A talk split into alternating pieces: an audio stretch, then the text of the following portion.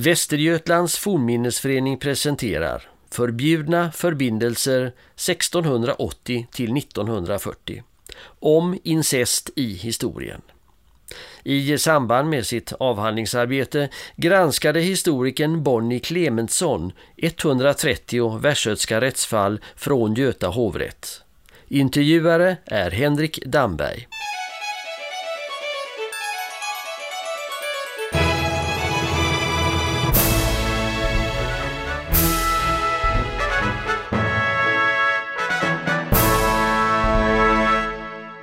Välkomna till en ny del med Västergötlands historiepodd. Och idag har vi med Bonnie Clemensson som är historiker vid Lunds universitet och som har eh, skrivit en avhandling om förbjudna förbindelser 1680 till 1940 och det handlar om eh, incest kan man säga. Bonnie Clemensson, hur kom det sig att eh, du valde det här forskningsämnet? Eh, jag snubblade över ämnet kan man säga när jag försökte lära mig att läsa handskrifter. Jag lånade ett register från en eh, 1700-tals dumbok och läste lite i det. Så kom jag, snubblade jag över begreppet blodskam och såg att det var ett annat ord för incest. Och så insåg jag att man hade en annan definition förr i tiden där man jämställde biologiskt släktskap med icke-biologiskt, det vill säga släktskap som uppstod efter giftermål. Och de här relationerna var helt jämställda med samma straffkonsekvenser. Så man eh, såg det som lika brottsligt om en man var tillsammans sexuellt med sin biologiska syster som ifall han var tillsammans med sin, hustrus döda, eller sin döda hustrus syster. Eh, det var samma straffkonsekvenser, det vill säga döden. Och jag blev nyfiken på om man faktiskt följde upp detta i verkligheten. Och eh, vilka vilka relationer var det då som räknades som incest? Du sa där svåger svägerska, ja då är det incest. Hur långt bort sträckte sig det här incestbegreppet? Ja, det kommer ju ursprungligen från eh, den katolska kyrkan. De förbjudna leden finns uppräknade i Bibeln. Men Bibeln är eh, ganska otydligt formulerad. Så det öppnade för tolkningar och eh, diskussioner och debatter mellan teologerna. Och den katolska kyrkan valde att tolka Bibeln väldigt vidlyftigt. Och under medeltiden så förbjöd man ända ner till sju släktled tillbaka. Om man hade en gemensam anfader sju generationer tillbaka. Alltså vi pratar om farfars, farfars, farfars far. Eller farfars morfars, farfars morfars morfars mor. mor. Eh, och liknande. Så det var väldigt långt tillbaka. Och eh, de var förbjudna och även din hustrus släktingar lika långt tillbaka. Skulle hustrun dö fick du inte gifta dig med någon som hade varit släkt med hustrun sju generationer tillbaka. Och vilken tidsepok pratar vi om då? Ja, vi pratar från, eh, jag är inte exakt säker på när det infördes, men jag skulle gissa 600-700-tal och fram till 1200-talet det här blev väldigt svårt att eh, kontrollera ifall folk följde reglerna. Så det framkom kritik och på 1215 så minskade man till fyra släktled tillbaka istället. Vilket fortfarande var mer än vad det stod i Bibeln. Och svårt att hålla reda på men ändå lite lättare än sju led i alla fall. Och hur var det här i Sverige då? Ja, då har vi kommit fram under katolsk tid, 1000-talet. Då var de katolska reglerna samma i Sverige. Men det ändrades i samband med reformationen. Då kritiserades den katolska kyrkan för att man låg för långt ifrån den exakta bibeltexten. Så i de flesta länderna som, där det infördes protestantism, där valde man också att ändra eh, incestförbuden så att de skulle stämma lite bättre överens med den ursprungliga bibeltexten. Eh, I Sverige drog man gränsen vid andra släktled, det vill säga kusiner. Eh, det är inte så långt tillbaka men det är fortfarande lite mer än vad det står i Bibeln. I Bibeln står inte kusiner med till exempel. Alltså du får inte gifta dig med din kusin? Precis. Eller som förr i tiden när man jämställde biologiskt släktskap med släktskap via giftermål så fick du inte lov att gifta dig med din avlidna hustrus kusin. Eh, till andra släktled så räknade man också personer som var knutna samman genom två giftermål. Eh, om din, till exempel om en man var tillsammans med sin hustrus styvmor eller styvdotter så räknades det också som incest. Och det är det som gäller under 1700 och 1800-tal i Sverige? Ja, det infördes på 1500-talet kan man säga, de första idéerna. Samtidigt som man minskade antalet förbud så skärpte man också straffen. Under katolsk tid så var det ju många förbud men ganska milda straff. Då straffades brottslingar eh, oftast med böter eller med pilgrimsfärd eller någonting annat ganska milt. Medan eh, från 1500-talet och framåt så började man mer och mer förorda att nu ska det ske som det står i Bibeln. Nu ska de straffas med döden. Eh, och detta försökte man införa, står i flera olika sådana här eh, Erik den XIVs plakat och Västerås stadgar och liknande, att nu det här är ett brott man inte kan sona med böter utan bara med döden. Så 1500-talet försöker man införa det, där är nog en inkörsport i flera decennier eh, innan man faktiskt lyckas implementera det. Och 1600-talet är den absolut strängaste perioden och den varar in på de första decennierna på 1700-talet när man faktiskt dömde till döden. Så hur många fall där man dömde till döden har du hittat? Eh, jag har tittat på material från Göta hovrätt som var en av fyra hovrätter i Sverige på den tiden. Eh, man kan säga att Göta hovrätt, eh, dess jurisdiktionsområde var södra Sverige medan Svea hovrätt hade norra Sverige. Och sen hade vi då Åbo som hade hand om nuvarande Finland och Dorpat som hade hand om Lettland, Estland där någonstans. Så ungefär i södra Sverige kan vi säga. Och jag tittar på en 20-årsperiod och jag hittar 130 incestmål från den 20-årsperioden kring sekelskiftet 1700. 85 procent är icke-biologiska relationer och de flesta verkar ha varit frivilliga relationer mellan vuxna individer. Och straffen vanligtvis, vad var det? Ja, man kan säga enligt teorin så skulle man alltså straffa alla personer som var relaterade i första led lodrät eller sida och i diagonalt led. Första led räknas då en mans relation till sin mor eller dotter. I sida är det sin syster. Det kunde då också hela tiden vara hustruns mor eller dotter, styvmor, svärmor, eh, alternativt hustruns syster. Det är första led, lodrät och sida. Sen har vi diagonalt, det är om en man är tillsammans med sin faster eller sitt syskonbarn. Alternativt med hustruns faster, hustruns syskonbarn eller en farbrors änka. I alla de här leden så skulle det vara dödsstraff i teorin. I praktiken så visade det sig att de diagonala relationerna som inte var biologiska, där eh, benådade man, eller man dömde till kroppsstraff. Man åberopade tidigare prejudikat och så dömdes personerna till kroppsstraff. Men i alla andra relationer där man riskerade dödsstraffet, då fastställdes domen i 70-75% av fallen. Hur då? Hur avrättades man? Det var alltid halshuggning. Både män och kvinnor halshögg, så det var ganska jämlika straff. Om, de eh, blev, eh, om släktskapet var lite mer avlägset och de dömdes till kroppsstraff så var det också jämförbara straff. Även om kvinnan dömdes till risslitning och mannen till spöstraff så var det ungefär lika, det som bedömdes vara lika hårt. Vad är de vanligaste kroppsstraffen? Spö eller ris? Ja, för mannen gällde också gatlopp. Eh, han kunde dömas till gatlopp också. Men det var då kroppsstraffen som gällde, ja. Av de här 130 fallen då som du gick igenom, vilken var den vanligaste eh, relationen? Ja, det var tre stycken relationskategorier som stack ut. Det var en mans relation till sin styvdotter, en mans relation till hustruns syster eller hustruns syskonbarn. Där var kanske, jag kommer inte ihåg exakt, men jag kan gissa cirka 25 fall av vardera. Så de stod för 75 av, eh, av 110 mål. Jag räknar bara de som dömdes. Jag gick igenom 130 mål varav cirka 110 dömdes för eh, de andra räknar jag som att de var oskyldiga. Hur skulle du säga att de här domstolsprocesserna gick till? Fick de inblandade en schysst behandling?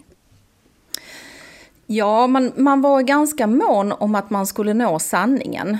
Och jag ser inga uppenbara tecken som tyder på att de har blivit direkt torterade. Däremot så nämns ibland svårt fängelse eller hårt fängelse.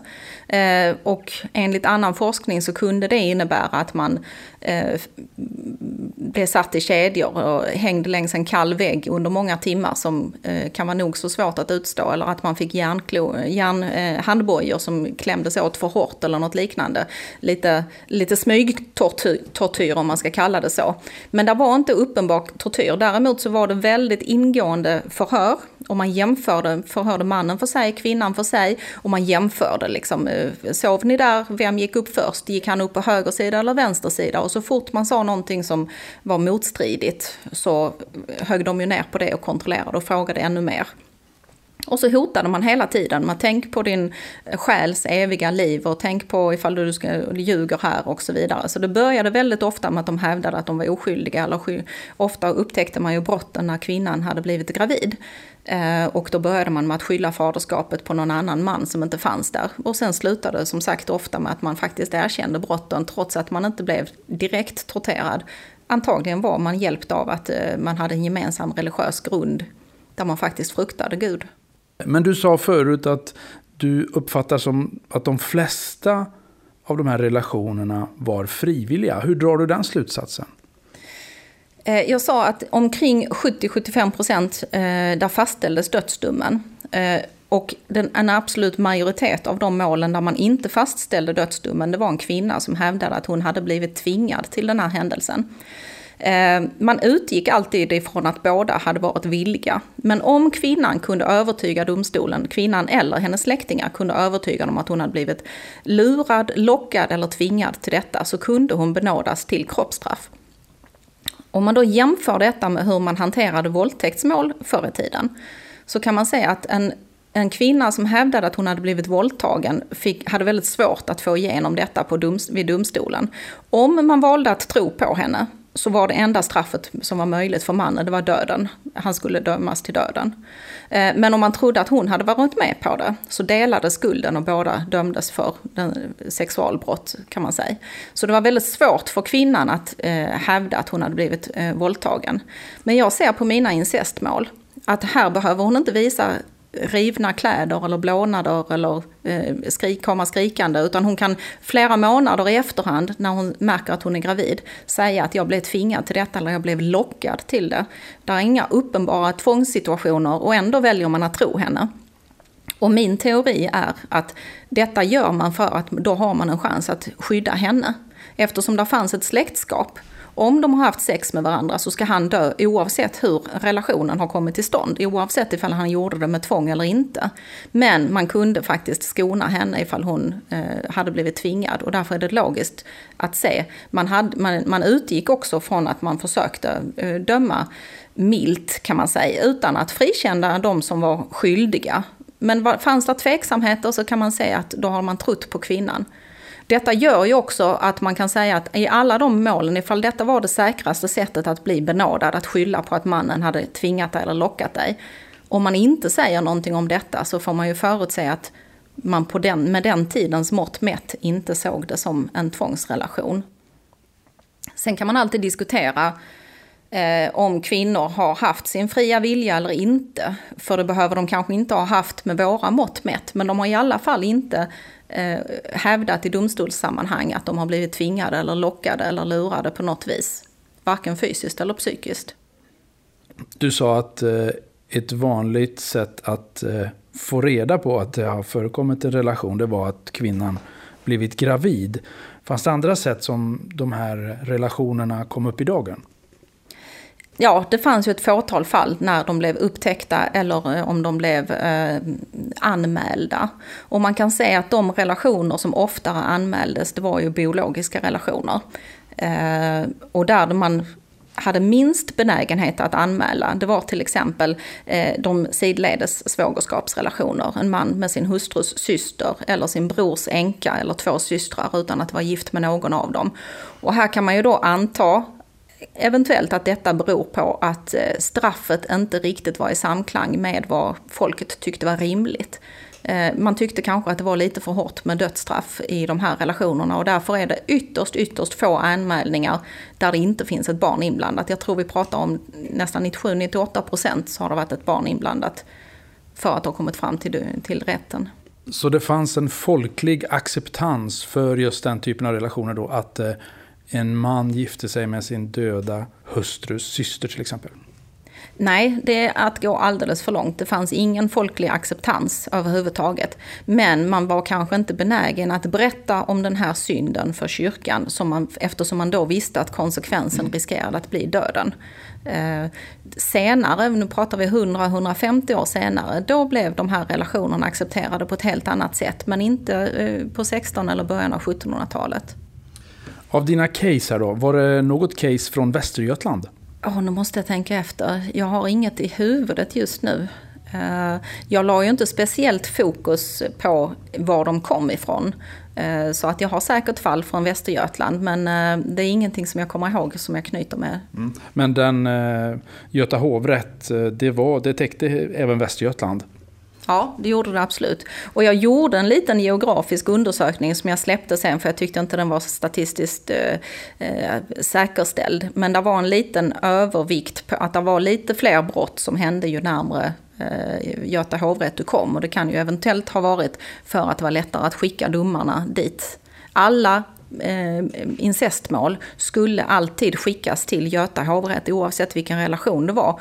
Eh, så att därför så kunde man hitta alla i eh, hovrätten. Det har inte pågått incestmål ute i häradsdomarna som inte har skickats in. Hur kom det sig att du intresserade dig för just den här perioden? Eh, 1680 till 1940? Ja, det handlar ju lite om att jag är intresserad av äldre tid men samtidigt så ska det vara, du ska kunna eh, använda källorna. Och i eh, Göta hovrätt så finns det ett register med brottsmål som sträcker sig från 1694 till 1716. Och här finns alltså brottsmålen eh, registrerade efter eh, kategori. Så där kan man slå upp blodskam och så kan man säga att det är mål nummer 15, 75 och 84 eller 115. Och så kan man slå upp dem inne i boken och få reda på vad som hände och läsa dem ganska effektivt istället för att blada igenom hela boken. Eh, så där blev mitt första nedslag. Eh, och sen eftersom jag har fått titta på lagstiftning och liknande runt omkring så kan man säga att jag har tittat på i stora drag eh, från mitten av 1600-talet och fram till 1940. Så att det var ett relativt lätt forskat material, det var det som avgjorde att det blev den här perioden? Den första perioden var ganska eh, lätt att komma åt. Eh, sen ändrades registren senare, så då var det namnregister. Och då fick du sitta och läsa igenom ett register på 50 sidor med namn och se eh, vem som dömdes för eh, stöld eller mordbrand och läsa igenom vartenda mål för att hitta dem, eh, om vi pratar en eller två incestmål per volym. Så det blev betydligt svårare att hitta de senare nedslagen som jag har gjort på i slutet av 1700-talet och även i mitten av 1800-talet. Så det ändrar sig och likadant så har jag också jämfört de här brottmålen med dispensansökningar. När man skrev in till kungen och bad om att få lov att gifta sig trots att man hade ett eh, känt släktskap mellan sig. då pratar vi om de lite mer avlägsna relationerna. Eh, och de var lite mer avlägsna från början och sen närmade de sig. Så att på 1800-talet så var det ju väldigt vanligt att kusiner ville gifta sig med varandra. Eller också en man och hans hustru och syster för övrigt. Fick man ofta dispens för att gifta sig eh, med sin kusin eller vad det var? Ja, här är också en väldigt spännande utveckling som man kan se. Att under hela 1700-talet så fick man relativt rutinmässigt tillstånd att gifta sig för mellan kusiner, biologiska kusiner, det horisontella relationer. Eh, men det var förutsatt att det var en ärbar eh, relation, man fick inte lov att ha haft sex med varandra tidigare, då kunde det ställa till problem. Eh, hustrus syster frågades man inte ens om för det var en alldeles för nära relation vid den här tiden. Utan de första frågorna kommer på andra hälften av 1700-talet. Och eh, det allra första tillståndet för en man att gifta sig med sin hustrus syster kom 1775 eller 85, jag är osäker. Antingen 75 eller 85. Eh, och det blev sen prejudicerande så att alla som frågade därefter fick i stort sett tillstånd ifall man uppfyllde sedlighetskravet. Hur nära kom du de här individerna som det handlar om, tycker du, i din forskning? Ja, det är svårt. Det är ju enstaka ärenden som sticker ut som man tänker lite på. Som man tycker antingen ifall det är tragiska ärenden eller eh, Eh, jag har hittat något enstaka eh, personligt brev också, någon som skrev in och ville ha dispens för att få lov att gifta sig som man tänker på i efterhand. Saker som förvånar en eller överraskar en eller som man eh, tänker på känslomässigt att det där måste ha varit hemskt som man kan tänka på ibland. Beskriv något sånt exempel lite. Ja, jag har ett exempel från den tidiga perioden, eh, 1712 i Östergötland. Det var en man som var eh, trädgårdsmästare på Skännäs slott. Eh, han hette Abraham, var gift och en dag så insjuknade hans hustru och dog efter en kort tids sjukdom. Så blev han ensam i stugan med fyra stycken barn. Och efter en tid så började hustruns ogifta syster att hjälpa honom med hushållet och med barnen. Eh, och efter ett år ungefär så födde Katarina ett eh, oäkta barn. Då kallades hon till tinget och frågade sig vem som var far till barnet och hon uppgav först att det var en båtsman vars skepp hade lämnat hamnen nu. Eh, men efter många timmars förhör så kom det ju fram att det var Abraham som var hennes svåger som var far till barnet. Och de hade en del stöd. Där är tre hjälpkvinnor som kommer in och blir förhörda. Och först i ett tidigt skede Eh, innan Katarina har erkänt att det var svågern. Och då säger hjälpkvinnorna att de trodde det var båtsmannen. Men efter att de har erkänt så kallar man in hjälpkvinnorna en gång till och nu kommer det fram att det var ju faktiskt, de hade lite misstankar om Abraham för han hade visat så stor oro för Katarina när hon födde sitt barn. Katarina hade haft en väldigt lång och svår förlossning som hade varit i över två dygn. Och vid något tillfälle under den eh, perioden så hade Abraham slagit in en reglad dörr för att komma in till henne. Sen hade han vägrat lämna stugan fast att hjälpkvinnorna hade försökt mota ut honom. Han satt vid hennes sida, höll hennes hand och beklagade att han hade varit henne för nära. Och allra sist i rättegången så vänder sig domarna direkt till Katarina och frågar hur i hela friden hon kunde inlåta sig med en sån här grov synd. Och då svarar hon att hon hade försökt stå emot Abraham när han gick efter henne. Men till slut hade hon gett efter, citat, när, han, när hon vid Gud började älska honom. Och Abraham sa också Eh, att han visserligen hade tagit initiativ till relationen, men han hävdade, återigen citat, att eh, all syndighet ska ha skett av en förblindande kärlek till Katarina. Slutcitat där. Eh, så det är ju ett mål, ett, ett väldigt sällsynt mål där man får se när de pratar om känslor, vilket man aldrig gjorde på den här tiden, för det ansågs nästan vara försvårande snarare än förmildrande. Och det, man tänker ju att detta var eh, sorgligt med våra moderna mått mätt. Båda de här dömdes alltså till döden. Fem barn blev föräldralösa. Och det, det, det, känns ju väldigt, det, det, sätter på sin spets hur det har förändrat synen på de här incestuösa relationerna. En relation som vi inte hade bedömt som brottslig idag överhuvudtaget, de dömdes till döden då. Ja, du var lite inne på det att eh, det kom att lindras då lagstiftningen och praxis efterhand. Vilka var de stora förändringarna under perioden där? Man kan säga att under 1700-talet så var det ju mycket annat som hände som man måste väga in. Att religionen eh, förlorade legitimitet i samhället. Och eh, med upplysningen så kom mycket kritik mot det gamla samhället, kroppsstraffen och dödsstraffen. Vilket gjorde att generellt så minskade alla straff mot slutet av 1700-talet och det blev mer eller mindre kutym att dödsdömda benådades till fängelsestraff på vatten och bröd istället. Så det, det följde liksom ett generellt mönster. Samtidigt kan man också säga att de religiösa argumenten för incestförbuden, de byttes mot sedlighetsargument. Man började prata om att, eh, inte egentligen att det var syndigt, utan att, eh, att det var eh, osedligt och att, eh, att ha otukt snarare än synd. Men samtidigt så tyckte man att eh, det, detta skadade, riskerade att skada samhället med lastfullt leverne, så man ville fortfarande förbjuda de här relationerna, men det var inte för att det var syndigt mot Gud, utan det var för att det förde med sig liksom Eh, otukt i samhället och i oordning kan man säga. Så att man började prata om incest som sedlighetsbrott och det var också en anledning till att man kunde minska straffsatserna. Så mot slutet av 1700-talet så dödsstraffet fanns fortfarande med i teorin.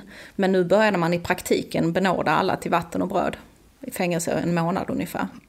Men om vi ser då till den tidiga lagstiftningen där, hur stod sig Sverige i en internationell jämförelse? Var vi hårdare än andra länder? Ja, man kan säga att vår lagstiftning egentligen liknade andra protestantiska länder. Eh, men vi hade en hårdare tillämpning av lagarna. Det var fler eh, relationskategorier som rutinmässigt eh, dömdes till döden i Sverige ifall man jämför med både Tyskland eller Holland. England stack ju ut som ett protestantiskt land eftersom de hade det var två anledningar. Dels i de flesta protestantiska länder så flyttade man över hanteringen av incestbrott från kyrkliga domstolar till världsliga domstolar i samband med reformationen. Det var också en av anledningarna till att straffen blev hårdare. I England flyttade man inte över det utan det var fortsatt att det var kyrkan som eh, tog hand om de här eh, brotten och därför var det fortsatt milda straff i England.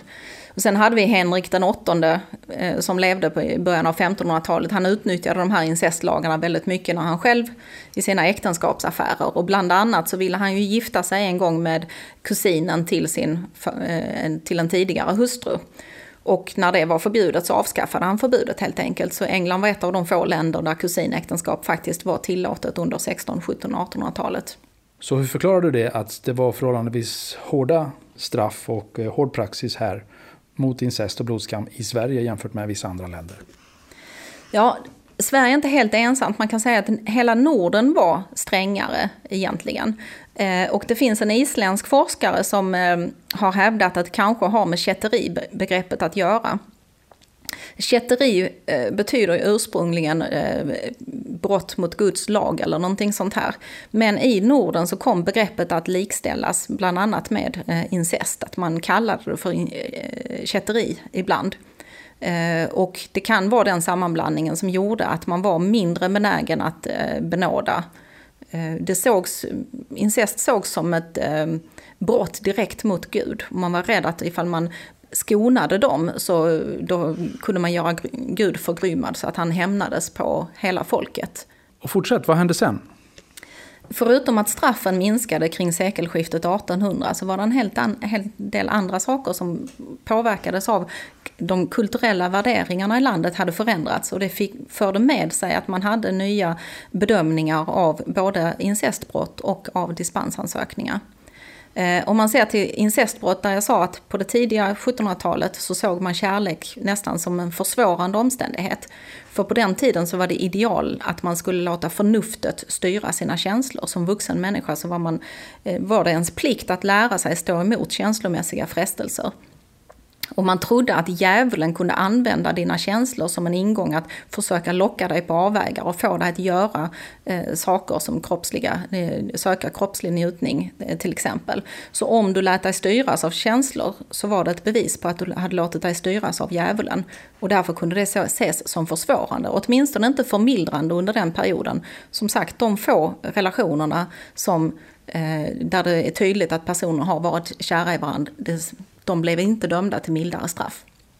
Om vi går hundra år framåt, omkring sekelskiftet 1800, så har kärleken som känsla uppvärderats i samhället. Det började bli ideal med ett kärleksäktenskap och det blev också ett kristligt ideal att, och en kristlig dygd att visa känslor. Känslosamhet blev någonting positivt.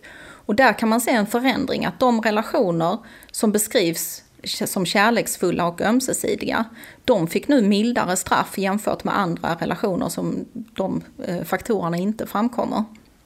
Så det var, det var mildare straff, eh, fängelse en månad, men om relationen beskrivs som kärleksfull så reducerades ofta dagarna så att du kanske bara fick 16, 20, 22 dagar i fängelse istället för 28 dagar som var maxstraffet. Och det är ju en, en påverkan av, den, av att de kulturella värderingarna i samhället runt omkring har påverkat. En annan ganska spännande förändring som sker kring sekelskiftet 1800, det är att tidigare så bedömde man alla relationer utifrån vilken familjeposition man hade. Och i den äldre tiden så var den här auktoriteten, föräldravördnaden, en oerhört viktig princip att eh, upprätthålla. Man förväntade sig att eh, husbunden husbonden skulle styra över eh, hustru och barn och de skulle visa respekt och lydnad gentemot honom, även tjänstefolket. Men han skulle samtidigt visa respekt mot sina egna föräldrar, mot annan överhet och liknande. Så du, det handlade om vem du mötte, hur du skulle bete dig. Och det här var eh, det följde alltså både samhällsposition och ålder men också kön och familjeposition. Och i den här hierarkin så var föräldravördnaden jätteviktig. Och detta gjorde att man såg allvarligare på vertikala relationer jämfört med horisontella. Och det är väldigt tydligt både i incestmaterialet men också i dispensansökningarna, vem som får lov att gifta sig med vem. Och man kan säga att en tendens över tid att de relationer som var vertikala straffades hårdare. Styvmor, styvson, det var aldrig någon benådning oavsett vilken ålder det var på styvmor och styvson. Styvsonen kunde vara 26 och hon kunde vara 24. Eh, men åldrarna nämns nästan aldrig, det, ansågs inte vara viktigt för bedömningen.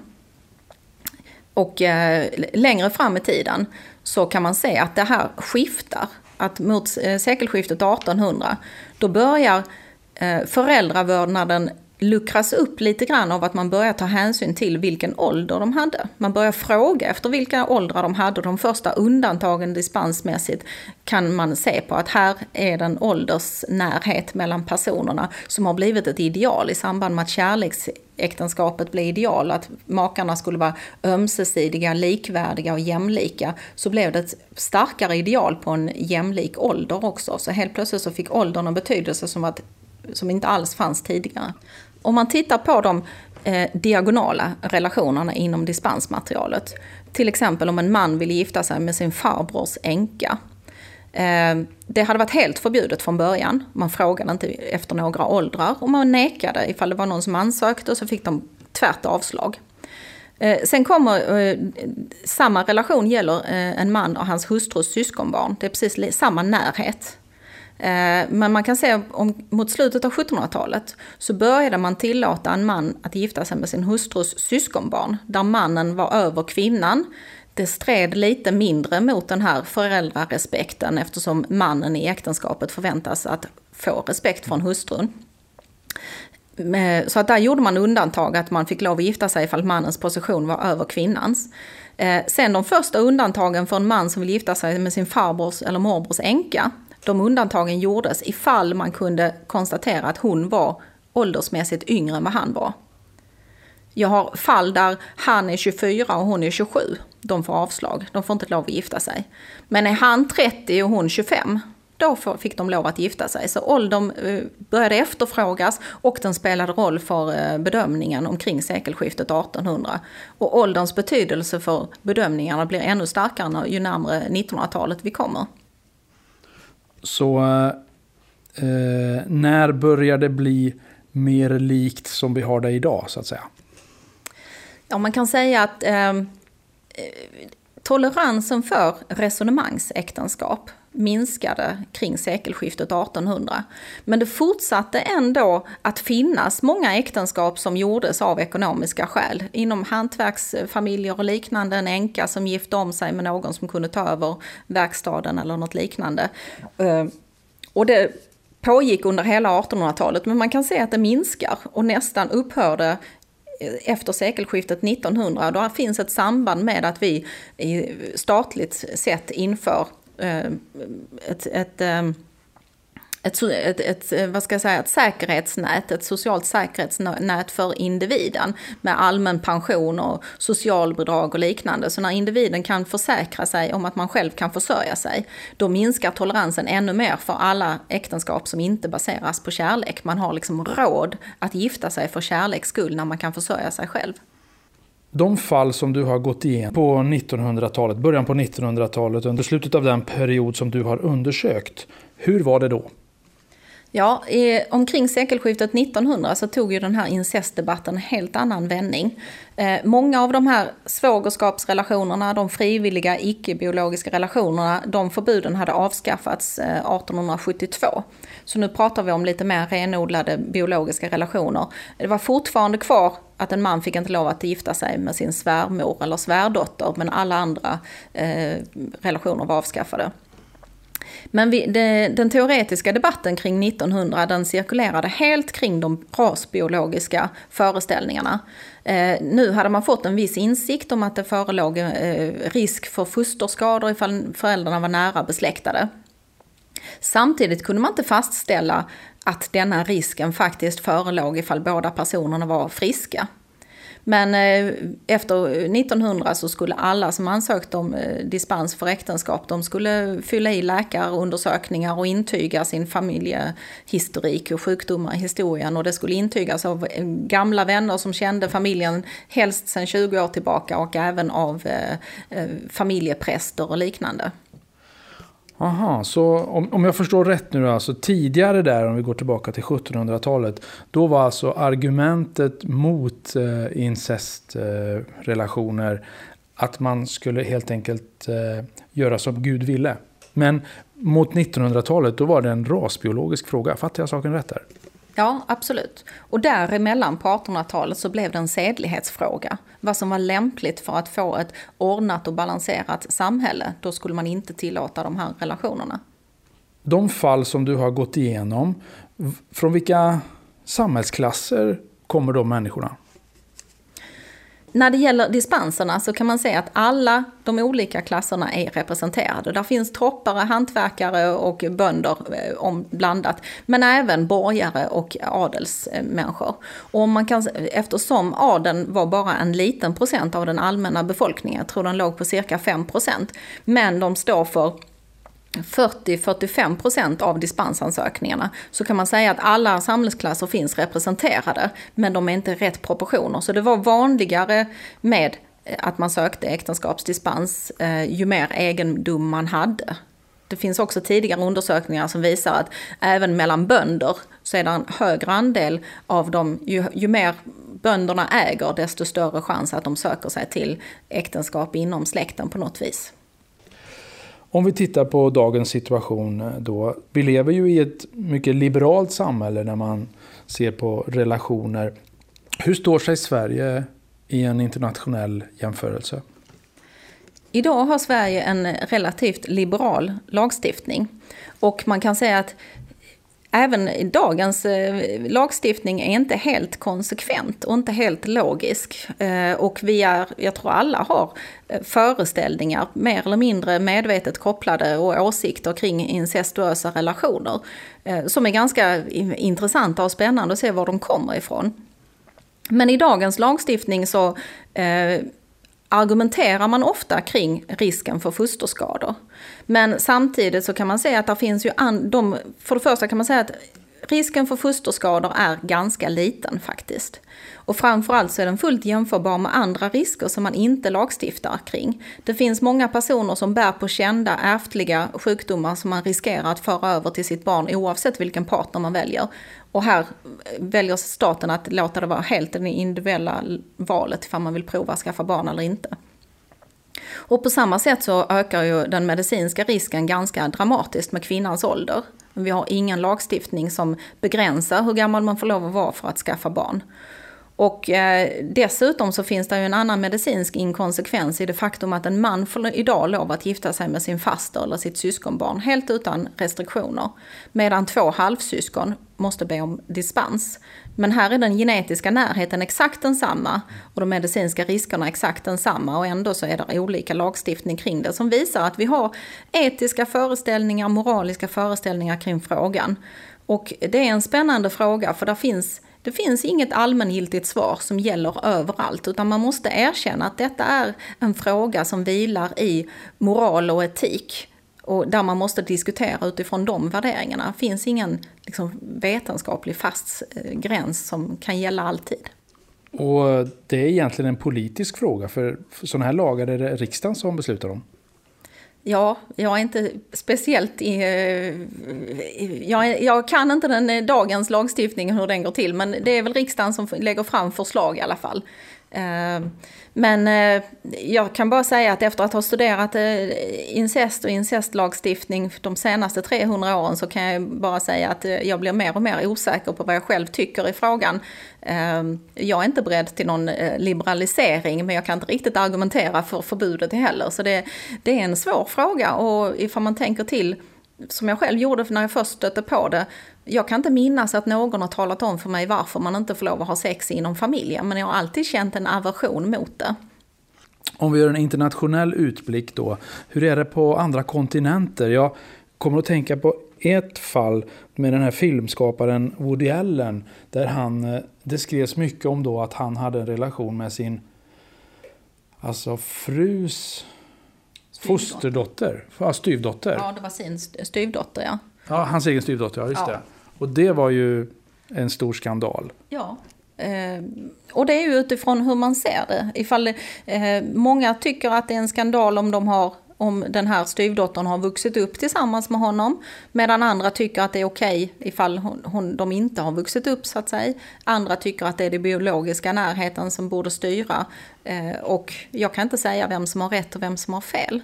Om man ska titta väldigt schematiskt över jordklotet så kan man ju säga att de allra flesta religioner har begränsat det på något vis. Undantagen är väl Egypten och gamla Persien där man faktiskt tillät eh, sexuella relationer inom kärnfamiljen.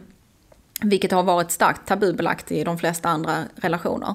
Men sen kan man säga att det finns en övervikt eh, i eh, Mellanöstern och österut där man har, eh, där är mer acceptans för vissa eh, relationer mellan kusiner eller far, farbror och syskonbarn till exempel.